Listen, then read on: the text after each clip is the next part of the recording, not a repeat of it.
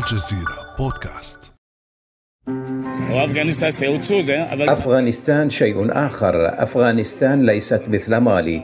الأمريكيون مروا من هناك ولم تسر معهم الأمور كما أرادوا. وروسيا قضت في المنطقة عشر سنوات ولم تنجح. لا يمكن مقارنة أفغانستان بمالي. مالي شيء آخر.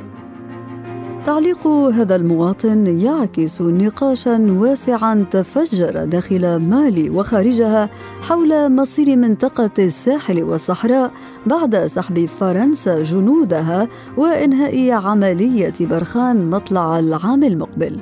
وبسبب الخوف من التداعيات ارتفعت أصوات معارضة من داخل فرنسا نفسها كما هو حال المرشح للرئاسيات الفرنسية les terroristes محاربة الإرهاب اليوم في مالي معناه تجنيب فرنسا الإرهاب غدا. صحيح نحن لا نسيطر على كل أراضي البلد مع بضعة آلاف جندي. نحن بحاجة إلى زيادة التدابير التي تسمح لنا بتعطيل قدرة الجماعات الإرهابية على إلحاق الأذى بنا لأن الجماعات الإرهابية لا تنشط فقط في هذه المنطقة بل تقوم أيضا بالإعداد لعمليات هنا في فرنسا. وبعد كل ما جرى في أفغانستان الشهر الماضي مع الانسحاب الأمريكي ارتفع مستوى القراءات المقارنة وطرحت الأسئلة. هل يمكن للسيناريو الأفغاني أن يتكرر في مالي؟ وما هي أوجه الشبه والاختلاف بين الحالتين؟ وما هو السيناريو المرجح في منطقة الساحل والصحراء بعد توقف عملية برخان؟ بعد أمس من الجزيرة بودكاست أنا أمال العريسي.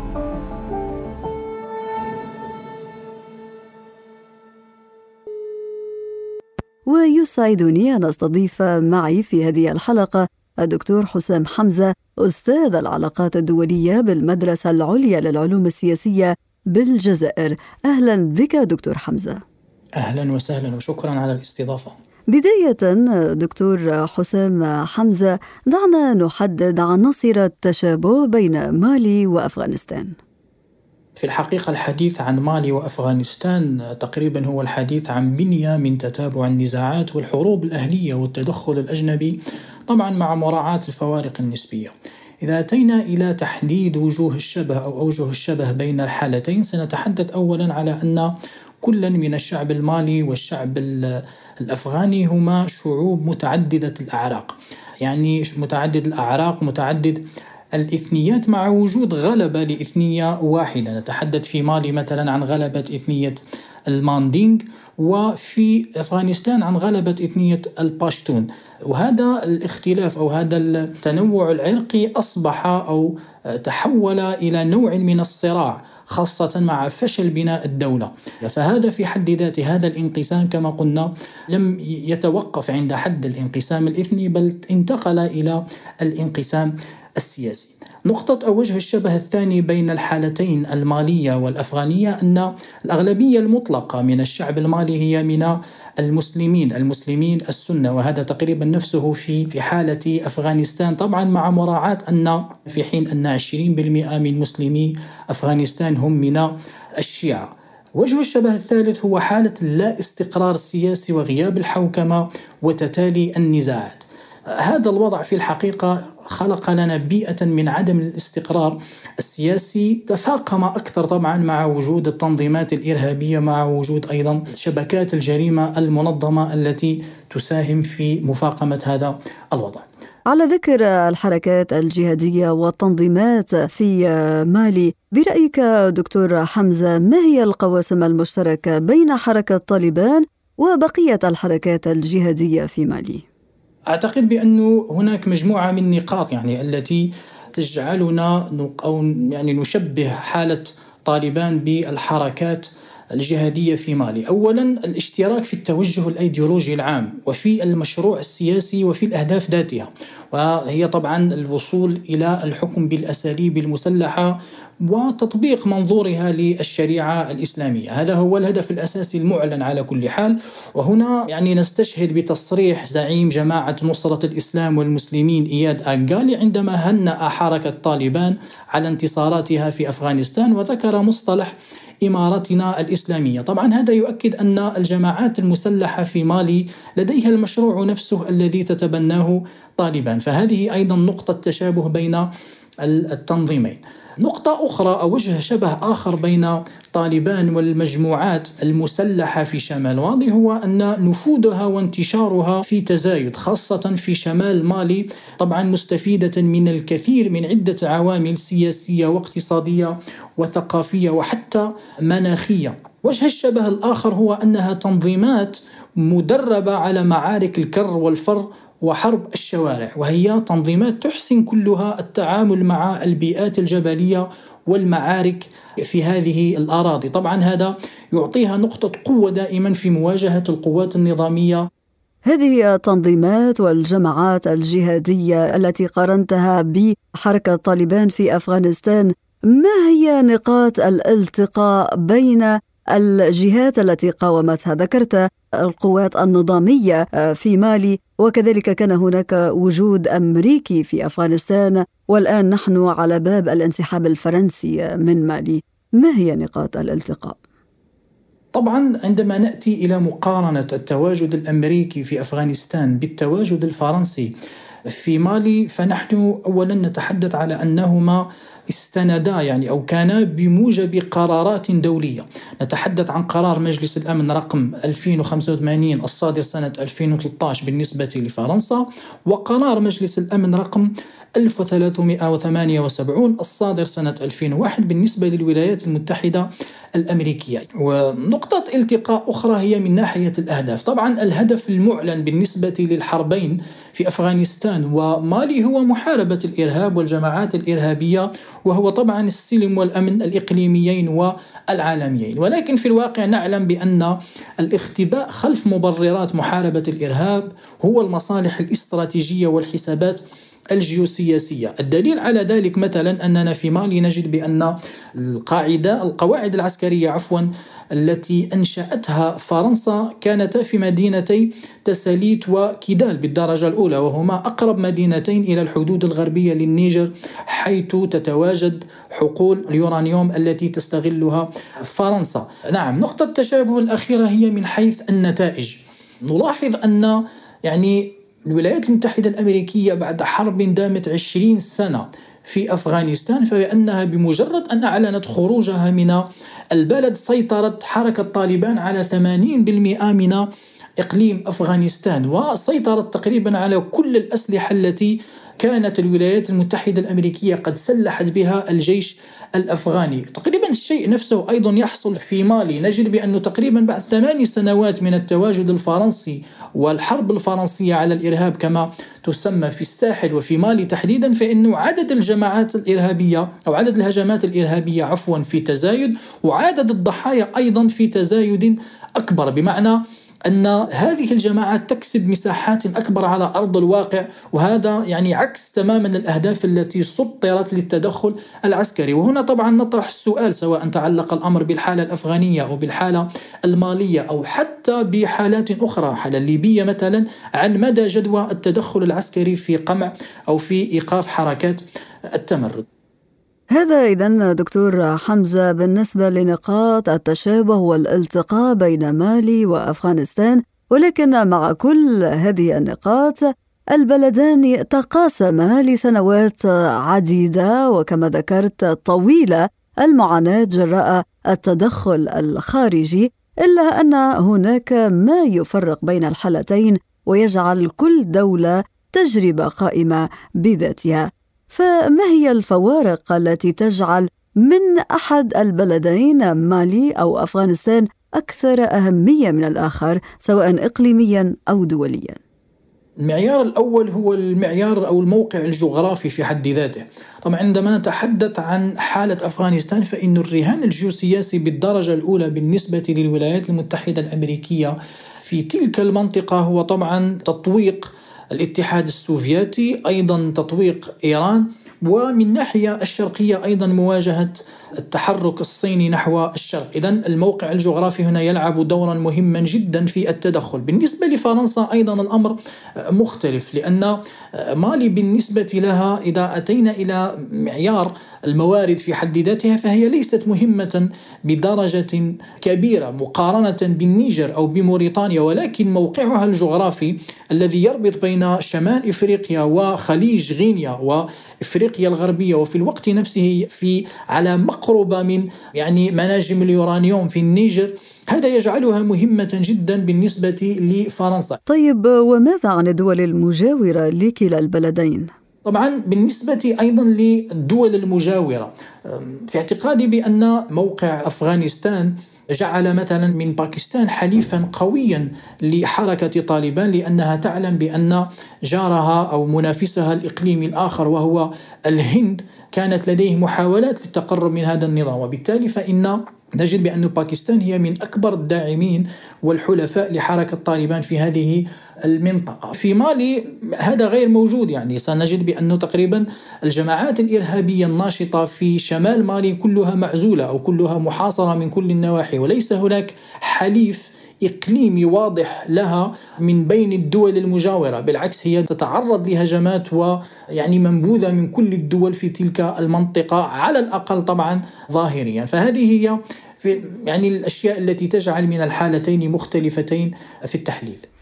واليوم دكتور حمزة بعد وصول حركة طالبان إلى السلطة في أفغانستان مباشرة بعد الانسحاب الأمريكي منها هذا الحدث الذي وصفه بعض المراقبين بتاريخي يقودنا للتساؤل عن نقاط الاختلاف بين طموحات حركة طالبان وبقية الحركات الجهادية الأخرى الموجودة في مالي ومنطقة الساحل بشكل عام.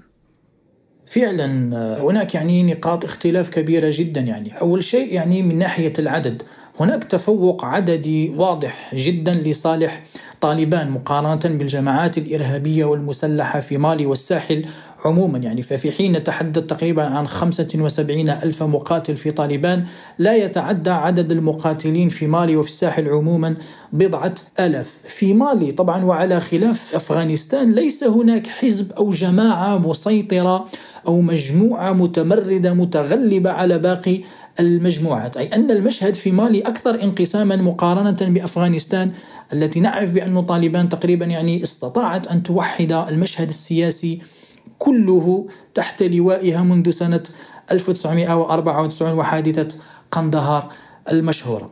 المكون العرقي أيضا الأصلي لتنظيم طالبان هو عرق الباشتون كما هو معروف في حين أنه طبعا وهي الإثنية الغالبة أو ذات الأغلبية في أفغانستان. أما في مالي فإن الجماعات المسلحة والإرهابية تنتمي إلى العرقيات ذات الأقلية.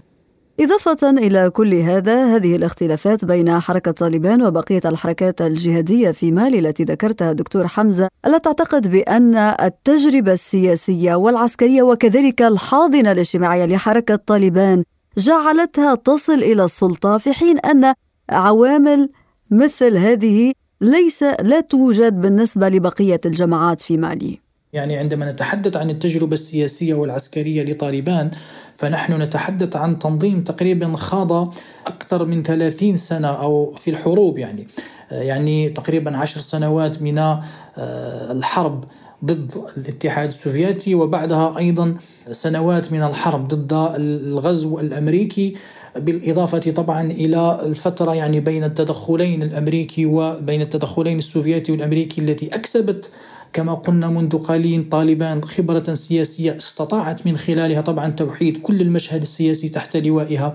تقريبا أكيد يجعلها متفوقة على التنظيمات والجماعات الموجودة في الساحل وفي مالي التي نلاحظ بأنها مشتتة ومفرقة يعني حتى تنظيمات أو أكبر التنظيمات الإرهابية الموجودة تعرضت للكثير من حركات الانقسام من حركيات الانقسام ويعني هذا في حد ذاته أضعفها في آه، في مواجهتها للقوات والجيوش النظامية. يضاف إلى هذا طبعا ما تحدثت عنه سيدتي الفاضلة الحاضنة الشعبية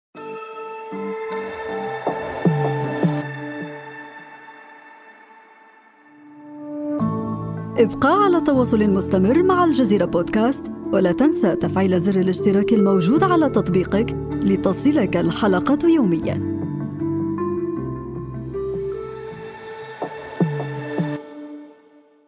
وربما دكتور حمزة ما أضعف الجماعات الجهادية في مالي إضافة إلى غياب الحاضنة الشعبية التي ذكرتها هو الوجود الفرنسي فهل يمكن برأيك مقارنة الاستراتيجية العسكرية الفرنسية في مالي بنظيرتها الأمريكية في أفغانستان؟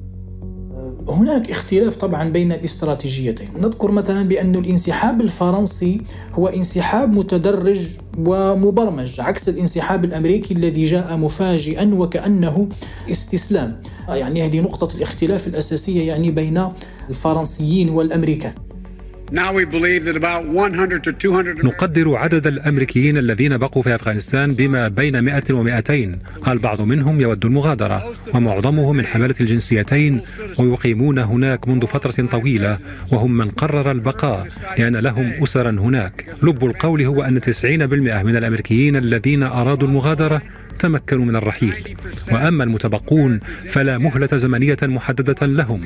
إننا نلتزم بإخراجهم إن أرادوا. والوزير بلينكن يقود جهودا دبلوماسية مستمرة للتأكد من توفير ممر آمن لأي أمريكي أو شريك أفغاني أو أي أجنبي يريد أن يغادر أفغانستان. النقطة الأخرى أيضا للاختلاف هي في أن الناتو كان منخرطا في الحرب في أفغانستان عكس الحالة المالية. أي أن فرنسا تقريبا كانت تحارب بمفردها ثم فيما بعد مع دول المنطقة فيما يعرف بمجموعة خمسة ساحل. نقطة الاختلاف الأخرى أن الانسحاب الفرنسي من مالي سيقلص عدد الجنود الفرنسيين في الساحل إلى النصف بحلول سنة 2022 مع إغلاق قاعدتين عسكريتين في تساليت و كيدال وأيضا في جاو. بمعنى ليس هناك حديث عن انسحاب كلي من المنطقة مثل ما حدث في أفغانستان. هناك وجه اختلاف كبير جدا أيضا هو الإنفاق العسكري. الولايات المتحدة الأمريكية أنفقت حوالي 2000 مليار دولار على الحرب في أفغانستان. منها 83 مليار دولار أنفقت من أجل تسليح الجيش الأفغاني وهي أسلحة حاليا كلها تقريبا الآن بيد طالبان. 18 veterans on average.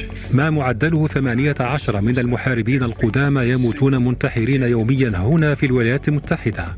وفي الحروب لا تجوز الاستهانة بأي خطر كان.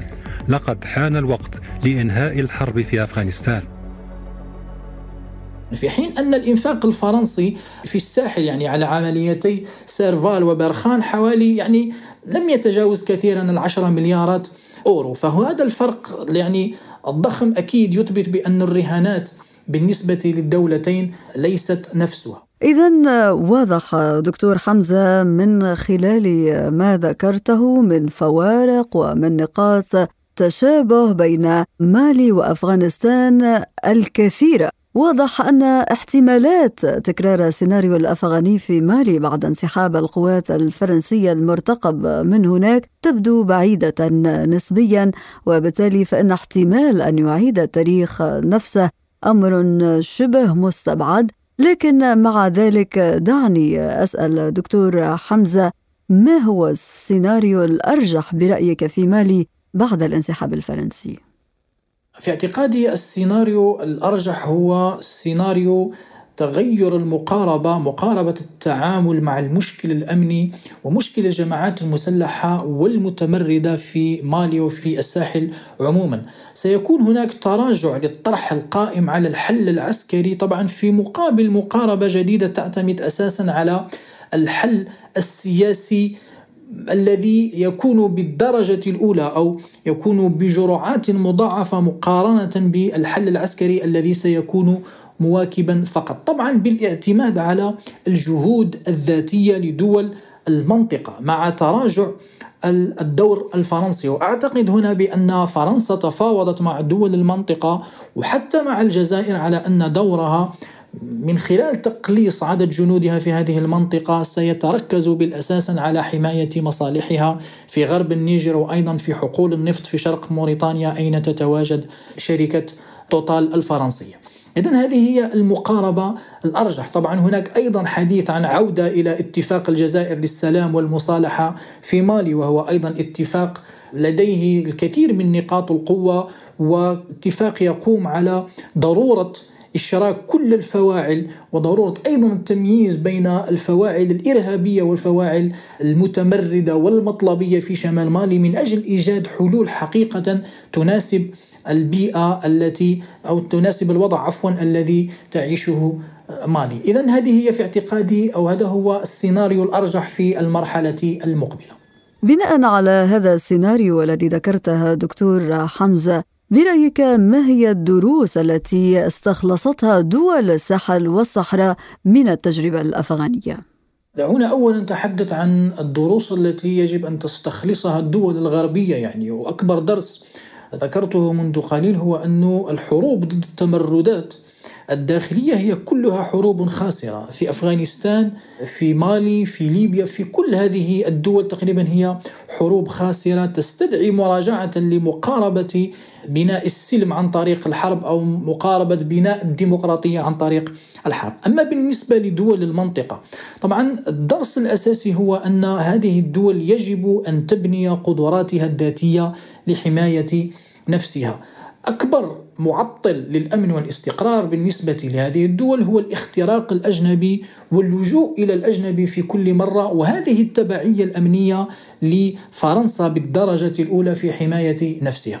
الدرس الآخر هو مرتبط بضرورة تحقيق العدالة التوزيعية والعدالة بصفة عامة في التعامل مع المجموعات الإثنية بتنوعها ومع الفضاء الإقليمي الموروث عن الاستعمار عموما لأن السخط أو الميول إلى التطرف الموجود لدى سكان شمال مالي هو بالدرجة الأولى. مرده التمييز الذي يعانون منه من طرف حكومة باماكو مقارنة بسكان الجنوب. أيضا من بين الدروس أيضا التي يجب أن تستخلص هو أن نفاوض من أجل أن نحقق السلم. هل تتوقع في هذا السياق دكتور حمزة أن يتم إجراء محادثات مثلا مع تنظيم القاعدة وكل المكونات الموجودة في مالي من جماعات مسلحة وغيرها؟ أتوقع بأن يكون هناك أولا مفاصلة بين التنظيمات الإرهابية والتنظيمات المتمردة المطلبية الشرعية. بمعنى هنا يجب أن نستثني تنظيم القاعدة وكل الجماعات المسلحة الإرهابية من هذه المعادلة. ثم أتوقع أيضا خاصة إذا استمر الدور الجزائري في المنطقة بأن يكون هناك لقاء واسع وموسع بين هؤلاء يعني هذه الجماعات الموجودة في الشمال وحكومة باماكو للتفاوض على خطة طريق جديدة للحل. وربما هذا الحل أيضا يهم ليس مالي وحدها ولكن النيجر وبوركينا فاسو اللتين تشتركان معها في نفس هذا التهديد ما يسمى بالإرهاب خاصة في منطقة التقاء الحدود الثلاثة. دكتور حسام حمزة أستاذ العلاقات الدولية بالمدرسة العليا للعلوم السياسية بالجزائر شكرا جزيلا لك على كل هذه التوضيحات. الشكر موصول لكم أيضا. كان هذا بعد أمس.